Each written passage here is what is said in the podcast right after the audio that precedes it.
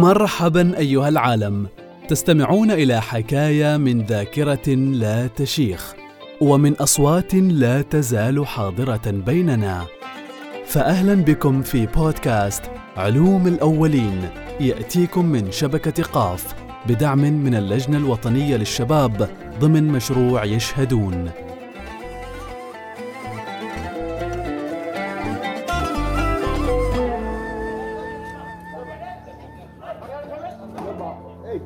وسط سوق قريات. وقبل ما يقارب 200 عام كان السيد حمد بن سعيد البوسعيدي واليا على قريات.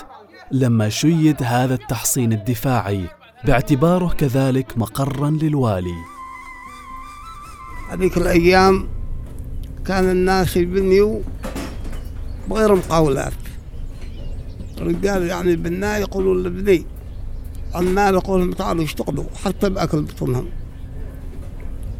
سنة 1914 مستوي هذا الحصن. سووا محصول أمام نفس الخارطة اللي يعني صور واللي في المناطق الولايات هذا الحصن نفسه يعني في غرفة يعني مساجين في غرفة يعني كما تقول مواد يعني في غرفة مال سلاح. يعني كل الغرف الموجودة فيه موجودة. حال حال حصون اللي في عمان وتقول يعني الحكومة والحكومة تحط فيه موظفين ولا كثيرة ولا يجيوها قريات؟ حصل قريات طال عمرك. أنا لما حفظت العقل رأيته هكذا لكن في أقوال يقولوا عنه. التاريخ أن هذا من يابانيين الفرس إذا صحيح لا انطبق الكلام على الصحيح. إيش تقول الرواية؟ رواية يابانيين الفرس. هل هو صحيح أو لا؟ واعتقد يعلم الله أن الفرس. القريات ثانيين ما يجيبوا لنا مهندس من من مكان أول ما حيجيب مهندس. العمانيين كلهم حكمة وفيها مناطق عمان فيها حكمة يعني. فيها ناس عقال لأن ما مشتغلين بتجارة ولا مشتغل هذا كله ما مشتغلين به. شوف طبعا انت شعرهم والأشعار والأشياء هذه. ما جاية من فراغ تجي من العرب عقال. إيه. وياما تعودنا على النعمة ونشكر الله عليها. كبرنا ونحن نعتاد السلام منا وفينا. أما نحن ما حفظنا في شيء. نحن من حفظنا العقل محسن الحمد لله الجو هادي. هيه أما من قبلنا الله يعلم. ما تخلى من الحروب قبلنا في ذاك الوقت. الحصن هذا ما صار في حرب. ابدا. أبدا. من يوم بنى؟ من يوم بن أيوب هذا يومنا هذه ما صار في حرب. هو لكن آلة الحرب موجودة فيه. حرب دولية. هي حرب دولية بين بني بطاش وبين الحكومة. هذاك يوم صار الحصن إيه. واتفقوا. واتفقوا عليه. هكذا. كيف كان الاتفاق؟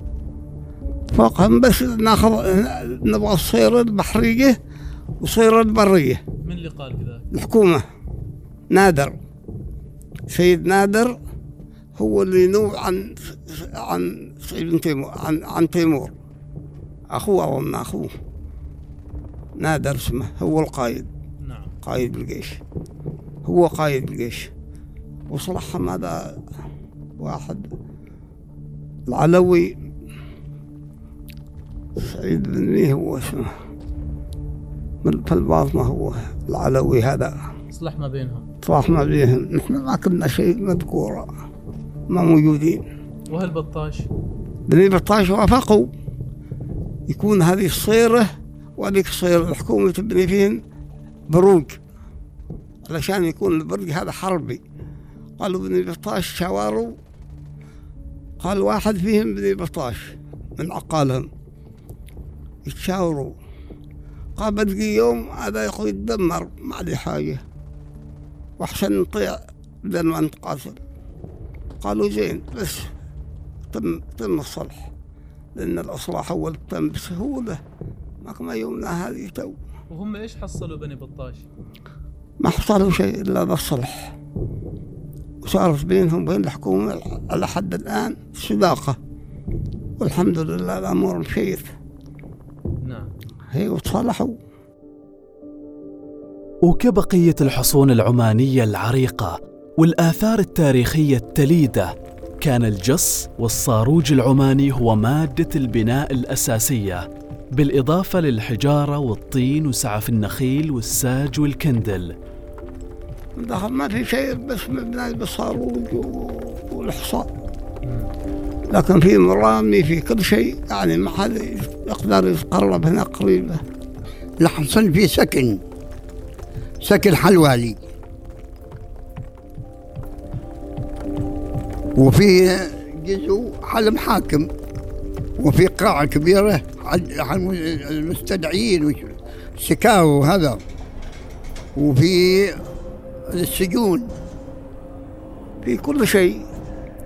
سبل مع المحاكمة في مجالس في أشياء يعني وفي بير يوم يستوي يشتد حكم حرب قبلي وهذا يكونوا عليه هذا الحصن. هذا الحصن يكونوا فيه اللي في جواره هناك كلهم يعني في الحصن. كلهم شربهم أشياءهم. مطبخهم وحاجتهم كله موجود في الحصن السجن بخار. وفي قيد قيود. صك لك على لك القيد لحد يفرجوا لك. وسدوا عليك الباب. الجمة اللي بعد يطول لك عليه تلق وأيام الحر حر يا ولدي. إيه؟ سجون يحصل هناك على حسب. اول الناس خربانه ما يسووا شيء. ما ما يتضاربوا ولا شيء. واحد بخار واحد. إيه. إيه واحد. يسجنوا حد على شهر حد على يومين حد على ثلاث على حسب القضايا. إيه. واللي عليه قضية كبيرة يشال مسقط مسقط. إيه. اللي قضية كبيرة قتل ولا قضية شيء هذا يشال مسقط ما يطلق رياضي اطلاقا. يشل جلالي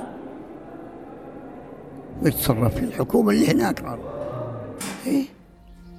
مخازن ما أعتقد شيء كان مخزن شيء كحل أسلحة مع الحراس وهذا؟ فيه. ولا بيت والي فيه. سكن كل شيء. مجهز اللي عليه الوالي إيه؟ والبير فيه حلواي. المخزن فيه بخيرة سلح في أشياء في بندقيات في حاجات ما شيء حصل ما في بخيرة ما شيء. لأن وقت العدو ما يجي العدو هم مستعدين حصن قريات مبني على شكل مربع مع برج في الجهة الشرقية واللي جاءت إضافته متأخرة في عهد السلطان تيمور بن فيصل البوسعيدي. ولأن الحصن مقر للوالي والقاضي ومنصى لعامة الشعب للاحتكام وطلب العدالة كانت السبلة جزء أساسي فيه للقاء والاجتماع. اللي اللي شغل في أيام الوالي اللي يشغل دعوة ولا يقضي أوراق طلب ولا شيء أو شكاوى تدخل داخل. تبلغ العسكر إني أنا باغي الوالي. راح العسكر وبلغ الوالي في فلان وفلان يريد يتقابل مع سعادتك. دخل دخلوك.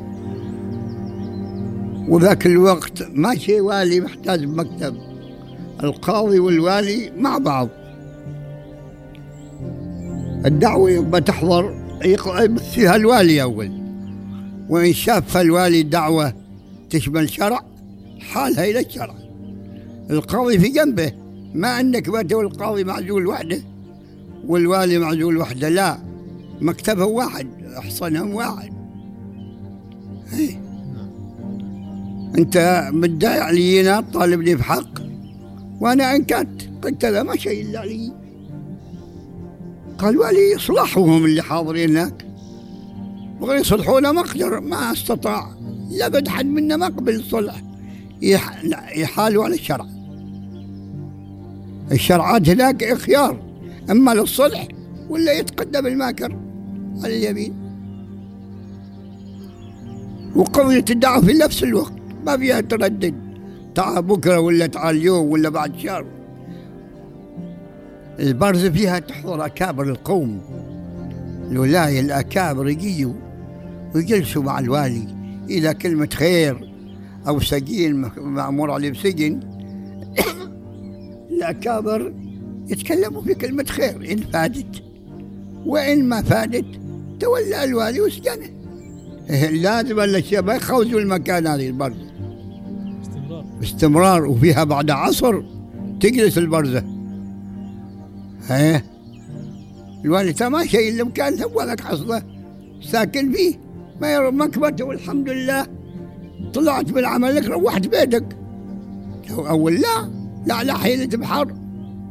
الحصد هذا سمعنا فيه. أي شيء تشوفيه. مناسبات تكون هناك أمامه. كل شيء أمامه. منادات أغنام هناك. اللي بيشتكي من الأخوة هناك. أنت ضارع لك غنمة ولا بعير ولا شيء شلة سلمة هناك. وصاحبه يتبعه هناك عاد يدفع عنه المبالغ. وأنت عاد كإنسان صاحب الحق تراجع الوالي. إيه. ولا سوى لك الوالي موعد أنت وياه وتروح أنت وياه على حسب موعد واحد. صرت لحت وجيتوا غرم عن الضر وغرم عن العسكري اللي يراعي البعير ولا مثل هذا؟ وطعام وأشياء. الوالي المالي الوالي القاضي يبلغوا بو يحصل في الحصول يبلغوا عنه. الذي أكبر منهم هذه مؤسسة حكومية ما يخص فيها المواطن شيء. إيه لكن تخدم المواطن.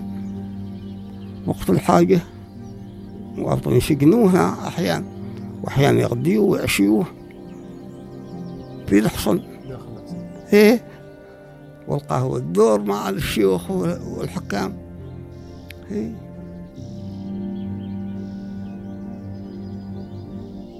كان الحصن موقع مركزي للاحتفاء بكل المناسبات ومركز إطلاق الأخبار والإعلانات الرسمية لأهالي المنطقة. ويا جمال الفنون والرزحات على أعتاب الحصن في الأفراح والأعياد. وذاكرة مدفع العيد اللي كان له وقعه الخاص في التهنئة وإعلان بداية الأفراح. هو حربي وهو مركز. كلها ثورات لكن في المناسبات كلها الناس يجيوا الحصن موظفين الولاي والقضاة والبلد كلها يعني فنون شعبية كلها تدور هناك في الحصن. ما الأعياد هي؟ إيش يصير؟ يصير مثلا رزحات وهذا الفنون إذا استدعاهم الوالي سوى لهم دعوة إنهم معنا اليوم احتفال يروحوا. القرى هذه اللي تابعة الولاية هناك. ويحتفلوا هناك. ويحتفلوا هناك. وتعلى حيلته ولا على حيلة بحر. مكمته يا ولدي حوطات الأغنام هناك. كل شيء قدام الحصن هناك كله. شرط الحصن على اليمين وعلى الشمال. إذا ستوى اليوم صوم يطلق مدفع للقرى اللي ما اللي ما تشوف الهلال واللي ما هذا يطلق مدفع. المدفع هذا يعرفوا عن إني بكرة صوم. وكذلك العيد. صار المدفع خلاص. قال بكرة عيد. هكذا كم طلقة؟ يتساوي هناك على حسب رأي الوالي حد يطلق ثلاث. حد واحد التهيأ لك لكن هنا نسمعها نحن ضباب يمكن الجماعة في ما يسمعوا هالتلقي يعلم الله. حال الفطور يضربوا مدفع حال العيد يمكن يطلقوا عشر طلقات. هذا مستمرين عليه. أما يعني مسقط ما يستوي مسقط من الساعة عشرة اثنا عشر. من تضرب النوبة خلاص ما حيطلع برا ممنوع. والنواخرين هكذا ما يصلوا العتمة كانوا صلاة العتمة ما- ما كملتوا الساعة ثمان. وصلاة العتمة يعني الساعة 11 ما يخلصوا الناس من الرمسات والفنون وهذه يروحوا يصلوا ويرقدوا. زمان يعني انتهى فنون شعبية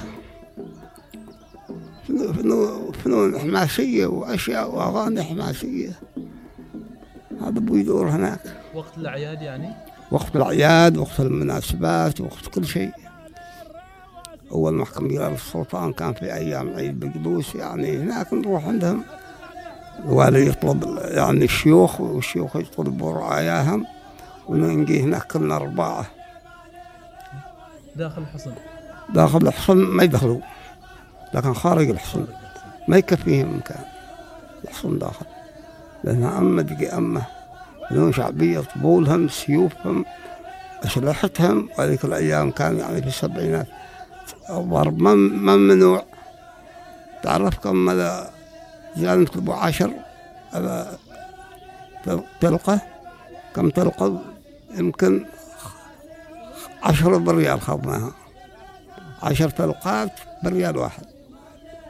ويقحمك لها يدور بها في الصف يطلع بلا شيء خمسين ستين ضرب يضرب. والحمد لله الناس مرتاحة. في الزمان اللي مضى بركة فيه. وقليل في بركة. وكما أسلف شيابنا حصن قريات كان بمثابة مبنى حكومي يرجع له عامة الشعب ومقر اجتماع لأصحاب القرار والنفوذ.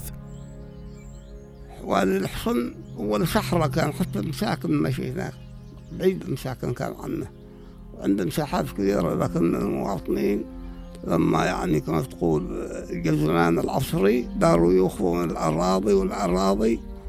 كما تقول هم مفروض يعطوها الأراضي. لكن نحن يعني كان يعني ما عندنا مهندسين عصريين.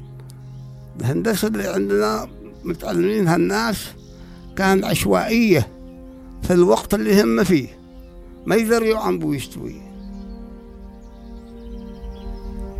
أنا وحدي وحصل لي واحد من جيراننا كنا نسافر البحرين والكويت ورينا السيارات ورينا الشوارع.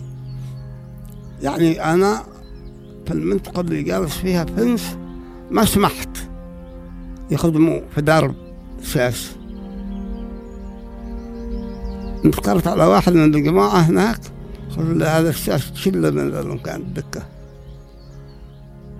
قال بشكي بك أنا شيخ خالي مع أنه من بعيد عني أشكي بي ده الشيخ أمه قال قلت أنا هذا خالي يقول هذا بيجي زمان نحتاج لهذه الدرب.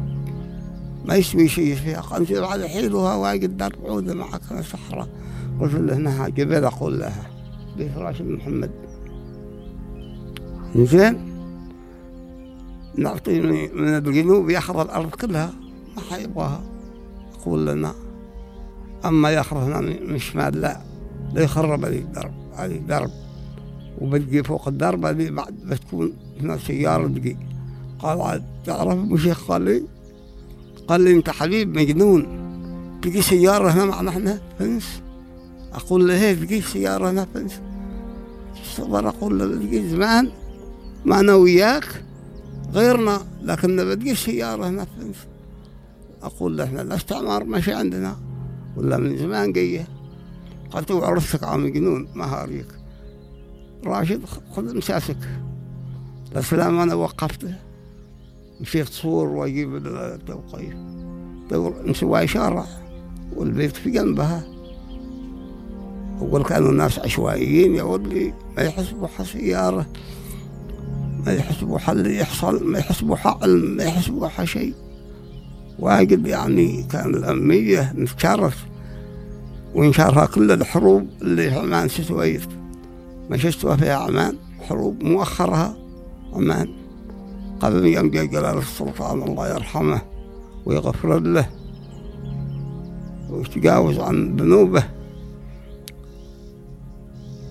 بناها جلال السلطان على ما حاكمه. حاكم لكن بناها الدولة. تأسست وصلت هين دول إحنا وصلنا معها في هذا الزمان. ومن قبل يعني أهل كانوا واصلين هين. شرق أفريقيا. لكن الأمية تقضي على الناس. حسن صور الله يسلمك. جابوا في هذاك الزمان أنا قبل هذا مستوي بعدني ما مستوي. لكن ما من زمان واجد. جابوا في خجول أربع الحكومة جابتهم. أربع خيول أربع. وتم في الحصن يجي سنة. بعد سنة قتلا قتلوهن لكن قاتلين لحد الآن ما حيعرفه. وقتلهن الحصن والعسكر هناك في الحصن راقدين. لكن ما قدروا يتكلموا. قتلوهم باتفاق هذه الصوم زمان أيام الصوم. باتفاق وصبحوا كلهم ميتات أربعة. يقول واحد من بني أبو علي يقول طاح الضرب في الخيل والعسكر رقود والحصن هيت. هذا في فنون شعبية. طاح الضرب في الخيل والعسكر رقود والحصن هيت. وأبمنا ودمريل من علي بن سالم تابع الصيف. واحد اسمه ودمريل هذا من الشيعان واحد اسمه علي بن سالم حسني الناشقان ويظن منهم واحد إن يعني اللي قاتل ان إن الخيول قاتل واحد. لكن ما شيء حقه راحن كلهم هذا أبو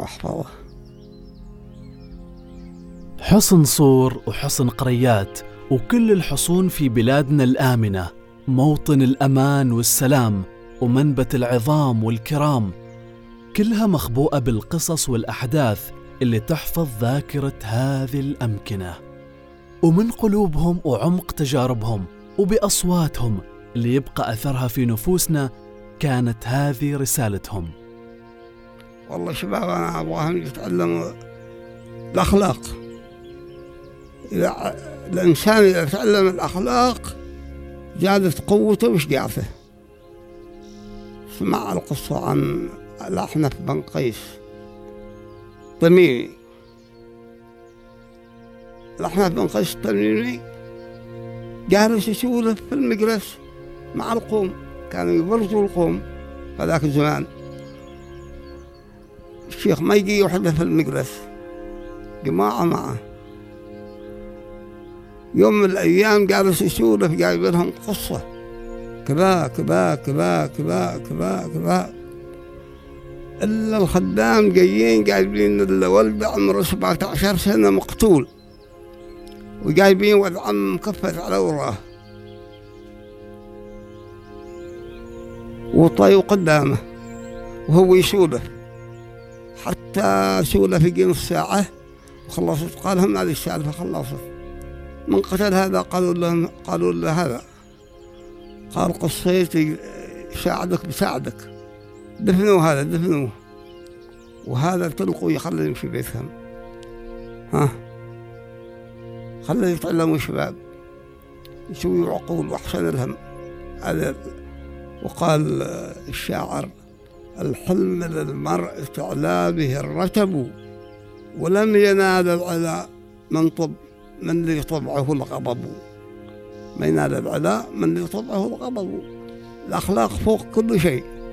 تعلمك بالآداب تعلمك بالصح تعلمك بالخطأ.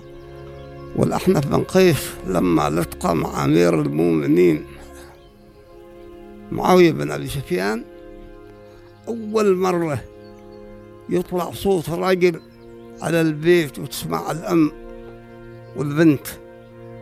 وداخل في البيت أول مرة. ولما خلصت البرزة البنية والأم يقول حبي حبي معاوية بن أبي سفيان نحن زعلانين له هذا البدوي اللي يتكلم عليك ونحن نسمعه هنا وأنت ما آمرت عليه بسجن. قال ها. ما علمتهم عنه قال ما ندري مو هذا كيف كذا؟ قال بيني ويا شعر على نقص عرفة شب هذا يقول بدوي يقول بدوي وراه يقول 12 ألف مقاتل.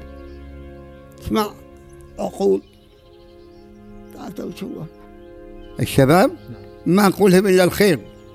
أقولهم يستعدوا يحفظوا هاي الدولة من كل شر ويكونوا لها باستعداد ويردوا عنها كل عين زايفة بالشر. حطوا يدهم مع الحكومة وسندا للحكومة. كما الحكومة الآن تشيد الشباب وتمدح فيهم كذلك هم يساندوا الحكومة يكونوا لها عون. ما يسيبوها؟ هي